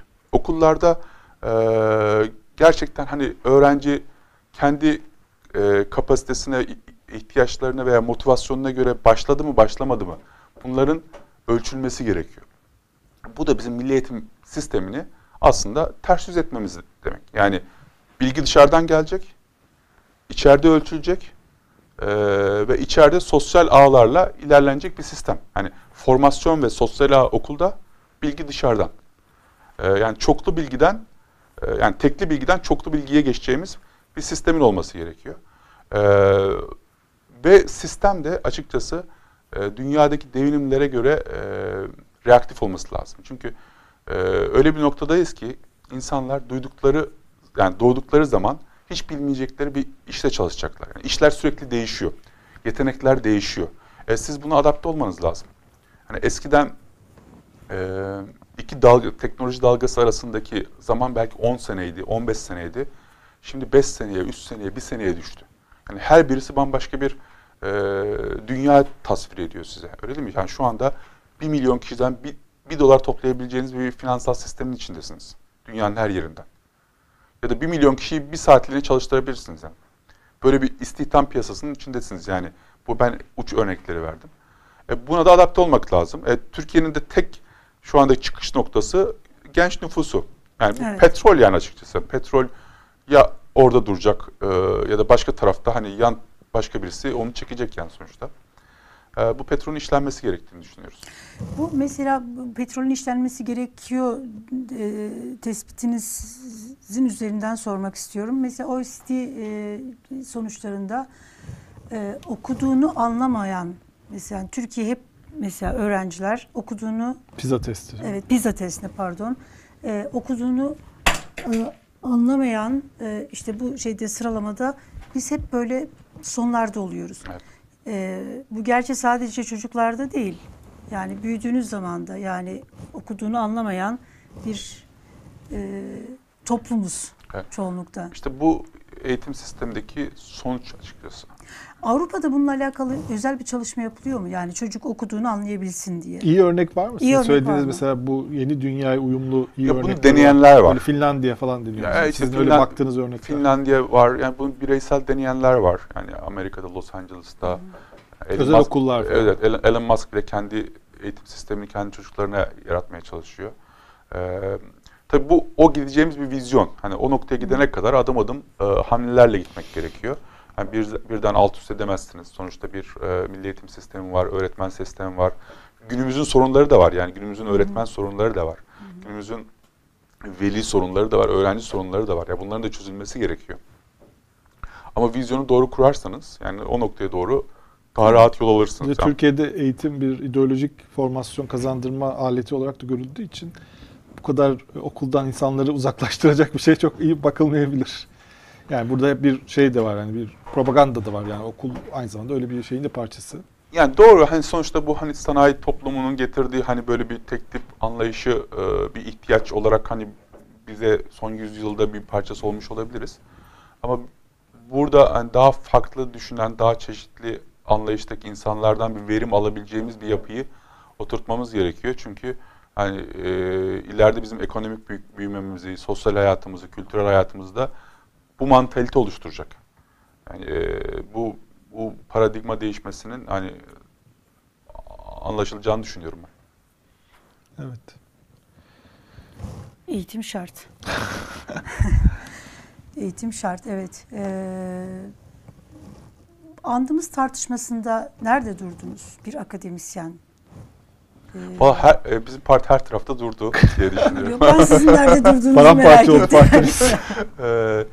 Yani şöyle e, hani beni e, andığımızdaki kelimeler beni rahatsız eden bir tarafı yok hani ama to- toplumda rahatsız eden ke- kesimler varsa onları da anlayışla karşılamak gerekiyor. Ee, yani ben bir zaten ant e, İçmek. ant içmek değil de ant kaldırıldı.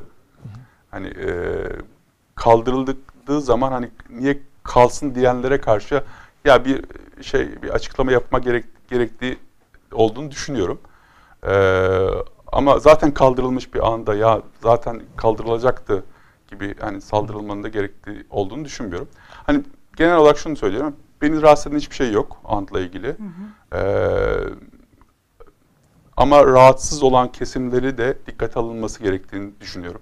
Burada hani şöyle bir pozisyon e, yani almak gerekmez mi? Yani sizi rahatsız etmeyebilir ama e, başkalarını rahatsız ediyorsa sonuçta bunu çocuklar okuyor. O zaman sizi rahatsız etmesi gerekir. Yani İşte başkalarını demek- rahatsız eden bir şeyin siz e, yani baş, O- kimseye okutulmaz o zaman yani böyle Ya bir şey o- varsa. evet bu kimseye okutulamaması bir Bir çözüm. pedagojik olarak da yani biraz tuhaf bir şey yani bunun böyle çocuklara Evet. sabahları böyle bir ant içirmek. Ee, O da eski zamanlarda belki olabilecek bir şey ama Evet. şimdi için çok e, yani o çözüm yani kaldırılması da bir çözüm olabilir. Yani değiştirilmesi de çözüm olabilir. İsteyen istediği gibi okuması da çözüm olabilir. Yani bu çözümü şey yapabilirsiniz. Yani yeter ki her tarafı mutlu edelim yani sonuçta. Bir bir anlamı ifade etsin. Ee, oradaki sırf anlam hani ben işte bu ülke için bir şey yapmak istiyorum, yap, yapacağım gibi bir antsa hani onu herkes farklı şeyler, şekilde de söyleyebilir. Ee, ama ona gerek yoksa kaldırılabilir. Ee, yani ben o kadar çok e, yani keskin bir görüşte olmadım. Evet. Sorumuz var mı Yıldıray? çok teşekkür ederiz. Biz çok Sağ olun. teşekkür ediyoruz. Ben İyi teşekkür ederim. geldiniz. Çok sağ olun.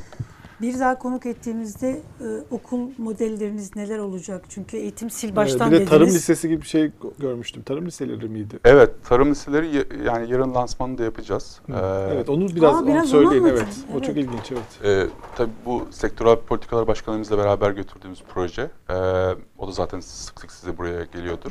Şimdi tarım liseleri e, o kadar çok yer gezdiğimizde şunu görüyoruz. Yani liseye gitmiş, üniversiteye gitmiş, işsiz, ne e, yani normal konvansiyonel bir iş bulmuş ne de bulunduğu bölgede Evet. bir şeyin parçası olabilmiş. İnsanlar var yani. Evet. Yani bu bir şey yani vakka şu anda. Ee, ve çoğu kişi açık açık liseye de e, kaydını yaptırıp aslında liseye de gitmiyor e, şeklinde. İkincisi Türkiye'nin tarım arazileri var. Yani tarım zengin, yani tarım arazileri noktasında zengin bir toplumuz. Üçüncüsü tarım teknolojileri geliyor. Yani tarım işte Silikon Vadisi ya da girişimcilik e, yerlerinde tarım dalgası başlıyor artık. Yani agritek deniliyor.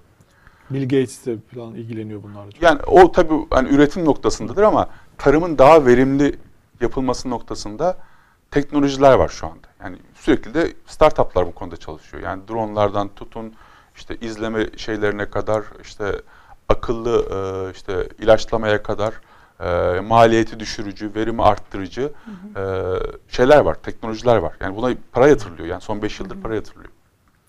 E, bunun da ötesinde pandemiyle karşı karşıya kaldık. Yani pandemi aslında gıdanın e, ne kadar önemli olduğunu ve bazı ülkelerin ihracat kısıtlaması getirdiğini gördük pandemiden dolayı.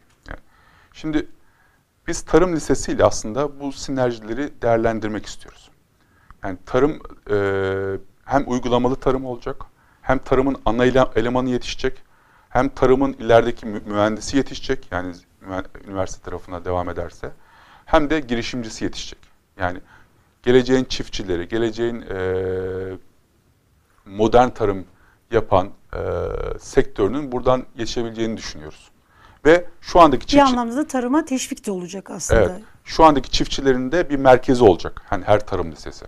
Hani her iklim koşuluna göre, her bölgeye göre e, dinamik bir müfredatın olması gerekiyor. Yani oradaki iklim, yani susuz tarım mı yapılıyorsa ya da başka bir yerde sebze meyve mi ekiliyorsa, başka bir yerde işte e, farklı bitki türleri mi varsa Yani dört duvar arası bir Evet. yer olmayacak. Evet Okul, olmaması lazım. Yani bağlı. burada belki uygulamalı yerler tarım arazileri, devlet arazilerinde yapılacak. Ee, belki o araziler işte işte finansmanla e, genç çiftçilere verilecek. Yani şöyle düşünün çiftçilik e, babadan oğula mı geçmesi gerekiyor? Yani, sınıfsal bir şey mi yani gerekiyor? evet, şehirden birisi Çok şu anda da çok rağbet edilen bir şey aslında. Ra- rağbet edilen ama bunu deneme yanılma öğrenen Evet, insanlar öğrenen var. Yani şu anda tamam İstanbul'dan kaçıp çiftçi olmak isteyenler var ama bu sistematik değil. Ee, ya da çiftçinin oğlu daha sistematik bunu götürebilir mi? Daha modern şekilde götürebilir mi? Ee, önemli olan burada yani maliyet ve e, verimlilik. Yani siz ne kadar verimli ve maliyet yaparsanız o kadar ürününüz piyasada yer bulur. Yurt dışına ihraç edebilirsiniz. Sonuçta e, bunların yapılması için hiçbir neden yok. Yani arazi var, genç nüfus var. Ee, geri kalan da en doğru bir e, eğitim sistemi olduğunu düşünüyoruz. Yani burada tek şöyle bir şey var kafaya soru işareti olarak gelen. Ee, Türkiye'de eğitim bir sınıf atlama e, şeyi olduğu için yani insanlar mesela işte köyde yaşayan birisi çocuğunun çiftçi olmasını değil işte okuyup Mühendis e, olmasını evet, istiyor. istiyor. Yani çünkü o sektör çok uzun süredir e, çok iyi para kazandırmıyor. Prestijli değil, toplumsal açıdan da prestijli görünmüyor. O yüzden de böyle bir e, şey var yani bakış açısında hani şöyle bir sonuç çık, çıkmamalı herhalde. Yani çiftçinin çocuğu işte çift tarım lisesine gider o da çiftçi kalır Hı. gibi yani sınıfsal herkes böyle kas Anladım. sistemini koruyan bir şey olarak kalmamalı gerekir herhalde. Ya Çünkü tabii- o şeyde o e, mesleğinde bir prestijinin ve parasının artması lazım herhalde. Onunla paralel olarak. Kesinlikle işte bu tarım teknolojileri e, tarımdaki maliyeti düşürecek, verimliliği arttıracak, karlılığı arttıracak bir dalga. Yani bu zamana kadar olmamasının sebebi maliyetin yüksek olmasından kaynaklanıyor ve çiftçinin marjlarının çok düşük kalmasından kaynaklanıyor ve çiftçi zar zor devlet teşvikleriyle, sübvan- sübvansiyonuyla hayatını idame ettiriyor. Şimdi bu marş e, teknolojiyle açılacak. Bu teknolojiyle açıldığı zaman yani çiftçiliğin daha cazip ve verimli olacağını e, ve insanların gideceği bir yer olacağını da düşünüyoruz açıkçası. Yani bir şu anda da görüyoruz açıkçası. Etrafımızda yani burada yani mühendis olanların gidip e, inek çiftliği açtığını görüyoruz ya da ceviz bahçeleri kurduğunu düşünüyoruz. Yani bu tarafa bakıp geri işte e, bir toprağın parçası olma İnsanlar böyle küçük hobi bahçeleri kurup bu şey yapmaya çalışıyorlar. Bunu daha Tarım çok yapmaya çalışıyorlar. Evet. Bunu böyle daha hani hobi için e, ömrünün şeyinde işte Datça'ya gidiyor. Sanatçılarda filan bu çok var revaçta. Ama hani bu benim anladığım siz e, çiftçinin e, ve tarımın e, itibarını e, getireceksiniz. Daha itibarlı bir hale. kesinlikle Evet. kesinlikle daha e, karlı e, evet. bir Eskiden aslında öyleydi değil mi? Evet. Ondan yani Evet. çok böyle 50-60 yıl önce çiftçiler iyi para kazanıyorlar Türkiye'de. Kesinlikle yani sonuçta bir 50'leri düşündüğümüz zaman hani e, 50'ler aslında o, o, o dalganın ürünü öyle değil mi? Demokrat Parti. Demokrat Parti'nin ürünü. Ve o da o dalga tekrar gelecek. Yani Türkiye tamam sanayi olarak büyümeyi tercih etmiş olabilir 50'lerden sonra. Ama tek tarım dalgası bütün dünyada olduğu gibi bizde de gelecek. Bunu e, önünü açacak en büyük şey teknoloji e, ve ihtiyaç. Yani sonuçta pandemi gibi ihtiyaçlar açıkçası. Çok teşekkür Çok ediyoruz Ben teşekkür Mustafa ederim. Bey. Çok sağ olun. İyi ki geldiniz. Sağ olun. Ee, Farklı şeyler konuştuk. Farklı şeyler konuştuk evet. Biraz böyle ve güzel de oldu. Ben de memnun oldum. Sağ olun. siz biraz daha böyle siyasi polemiklere de lazım. Evet, Çok sağ- kaçıyorsunuz. Sağ olun. Kaçmayın. Hep böyle internet konuşamazsınız. bol bol denediniz gibi geliyor ama. Ama Evet, yani siz de kaçtınız. bu en e, şey yani en pratiği en rahat yapacağınız yer burasıydı. Diğer yerlerde bu kadar şey yapmayabilirler. ben de biraz hazırlanayım bu konuya. Sağ olun, çok yani siyasetten keyif alıyorsanız siyasi polemiklerden de keyif almanız gerekiyor. Tamamdır. Yani-. Evet programımızın sonuna geldik. Bu haftalık bizden bu kadar. Ee, Mustafa Ergen'i konuk ettik. Deva Partisi e, Genel Başkan Yardımcısı. Ee, Pazartesi günü görüşünceye kadar kendinize iyi bakın. Bu arada YouTube kanalımıza abone olmayı da unutmayın. Bunu arttırmak için bir yönteminiz var mı? Siz bilirsiniz bu konuları. ben yeni Yüzünü görmemiz lazım. evet.